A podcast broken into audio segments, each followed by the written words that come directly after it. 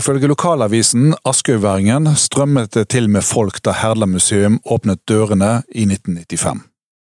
Museet ligger på naturskjønne Herdla lengst nord i Askøy kommune, ikke langt ifra Bergen. I en tidligere podkast har Gunnar Furre, leder for Herdla museum, fortalt om Herdla sin historie under andre verdenskrig og i kald krig. Dette er en bonusepisode der vi fokuserer på Herdla museum og hvilke historier museet formidler, og litt hva publikum kan oppleve på museet. Du hører på Museum Vestpodden, mitt navn er Borg Ram Økland, og gjest i studio er også nå Gunnar Furre, leder ved Herdla museum. Velkommen. Takk, takk. Herdla museum ble offisielt åpnet i 1995. Hva var bakgrunnen for eh, det museet? Ja, jeg tror egentlig den som drog det hele i gang, det var en som het Gunnar Jensen, og som var fortsjef på Herdla det, på denne tid. Han var veldig historisk, eller er veldig historisk interessert. Han fikk med seg lokale sågelaget, og da, da bare mobiliserte en og sette i gang, og han, han hadde tilgang på, eh, på rekrutter som var utstasjonert på Herdla, sette dem i arbeid med å bygge museum, og i det hele tatt, kommunen kom med etter hvert, og så så fikk en det til i løpet av forbausende kort tid. Veldig imponerende, det der gjengen der, altså. Og hva, hva, hva historier var det de ønskte å vise fram, da? Nei, Det var nok primært eh, andre verdenskrig eh, og flyplassen som var hovedfokus i begynnelsen. Mm. Og hva, litt, litt det der som kanskje er spesielt med Herla, eller? Ja, altså jo, jeg hadde jo inn, inn, på andre temaer, geologi og lokalhistorie og sånt òg, men, men, det var nok mest krigen som på en måte som var, var hovedtemaet på den tid. Mm. Og det, dette er jo eh, nynorsk sted, sant? Og eh, nynorsken var vel viktig? At utstillingstekster og sånn skulle være på nynorsk? eller? Ja, altså det, det, har vel ikke altså det er jo, det er jo Herdla, Nordre Askøy er jo fremdeles Det har en eh, nynorske skolekrinser. Eh, så sånn sett så har det vært naturlig å, å, å bruke nynorsk på Herdla. Det, det, har vært en del av ja, det en har gjort. Ja. Og etter hvert så har man jobbet for å få et nytt museumsbygg. Når eh, var det det kom? Eh, det kom i 2017.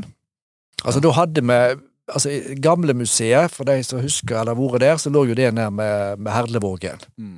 Eh, og på den tid, eh, helt fram til 2006 er det vel, at da, da Før den tid så var hele fortet avstengt, Herla fort, for det var militært område. Men når det ble åpna, så så en jo helt nye muligheter der oppe. Og, og når vi fikk eh, heva Gul 16 i sin tid og begynte å jobbe med utstilling av den, altså dette tyske jagerflyet, så havna jo det på Herla fort i et tidligere lager der oppe. Og det var liksom Når vi først hadde fått flyet opp der, da skjønte vi på en måte at det, det, det er på fortet museet skal være. Mm. Og så Ja, så, så ordna det seg etter hvert. Kommunen var villig til å satse, og så fikk en rett og slett reist det bygget. Ja.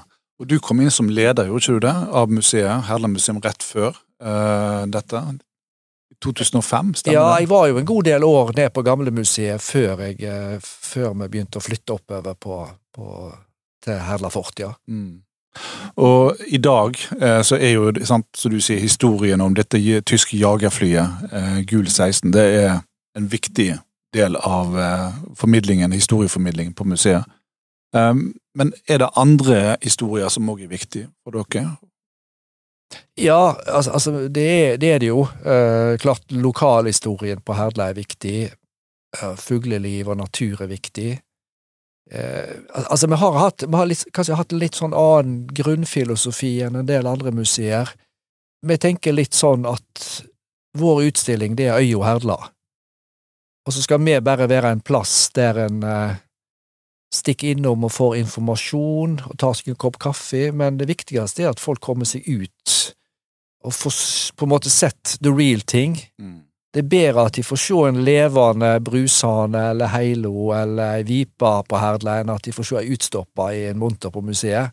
Mm. Så, sånn at uh, ja, ja. Da må du forklare litt, fordi at nå, nå, er det mange lyttere som sitter rundt i Oslo og, og, Trondheim og andre steder og ikke helt vet hvor Herdla er, eller har vært der. Men hva er det liksom spesielle når det gjelder naturen og, og Herdla? Jo, altså, øya er liksom eh, helt, eh, holdt på å si, helt atypisk på vår del av kysten. Uh, altså, det er rett og slett ei flat moreneøy, uh, 1,6 kvadratkilometer stor, med sandstrender og rullesteinstrender og store flater. En type natur som en ikke finner ellers her på midtre delen av Vestlandet. Mm. Det, og det tiltrekker seg et veldig rikt fugleliv? Så. Ja, nettopp på grunn av at øya er Altså at, at det finnes så lite av den naturtypen, eh, så blir den veldig viktig som en rasteplass for trekkfugler vår og høst. Mm. Ser du noe Når det gjelder de historiene som dere formidler, og så ser du noen endring i, i hva historier dere forteller fra når det, museet først ble etablert, til i dag? Ja, altså, vi, vi, har nok dredd mer og mer over mot natur. Uh, altså, altså, det er ikke det at, ikke at, vi, at, krigshistorien er fremdeles sentral, men, men uh, kanskje det med natur og fugleliv er liksom nok Kanskje det vi vil satse mer framover, uh, vil jeg tro. Mm. Dere tar jo imot skoler òg. hva kan skoleklasser oppleve på besøk? Ja, da er det igjen litt det samme. Altså, vi, vi, ønsker jo vi ønsker de velkomne til museet, men når de kommer, så jager vi de gjerne ut. Altså, Da vil vi heller ta de med på tur ned på Valen og se på fuglelivet, eller vi vil ta de med på en tur i torpedobatteriet. De får selvsagt sett utstillingene òg, men, men, vi ønsker å bruke øya mest mulig, i uansett vær. Mm. Dere har jo en, eh, I forbindelse med utstillingene som du nevner, dere har jo en egen museumssamling. Um, hva vil du si kjennetegner den samlingen? Hva skal jeg si? Uh, altså, du kan si det, det er jo relativt, i museumssammenheng, et relativt nyoppstarta museum, dette her. Mm. Uh, og i begynnelsen så var han jo veldig opptatt av å få etablert ei samling. Mm. Og da var det veldig mye krigshistorie, så da samla han inn og tok imot alt mulig som hadde med andre verdenskrig å gjøre. Og noe er interessant, og noe er ikke så veldig interessant, eller har ikke noe sånn klar herdla tilknytning. Mm. Så, så, så, det er litt sånn ymse. Vi har en del ting som går på flyhistorien, og det som er, er interessant og viktig for oss. Mm.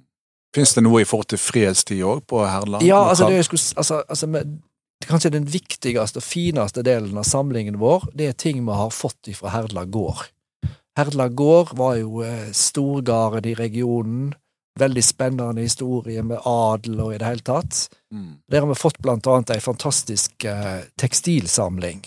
Eh, blant annet som selve høydepunktet der er nok en dåpskjole som sannsynligvis er fra 1700-tallet. Oi, ja.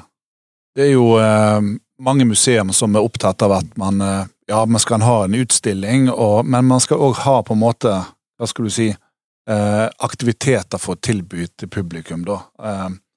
Har dere, legger dere opp til sånt? Ja, det har vi ganske stor vekt på. Altså, vi tenker litt sånn at vår Kanskje vår viktigste målgruppe er barnefamilier. For Herla er jo et eh, altså et fint naturområde og et friluftsområde. Eh, og vi tenker litt sånn ja, så når, når, folk reiser til Herdla, så er det ikke, kanskje ikke primært for å gå på museum, men det er for å gå på tur, og så stikker de gjerne innom museet. Mm. Og da må vi ha noe som frister dem til å ja. Og ikke minst frister de til å komme igjen. Ja. ja.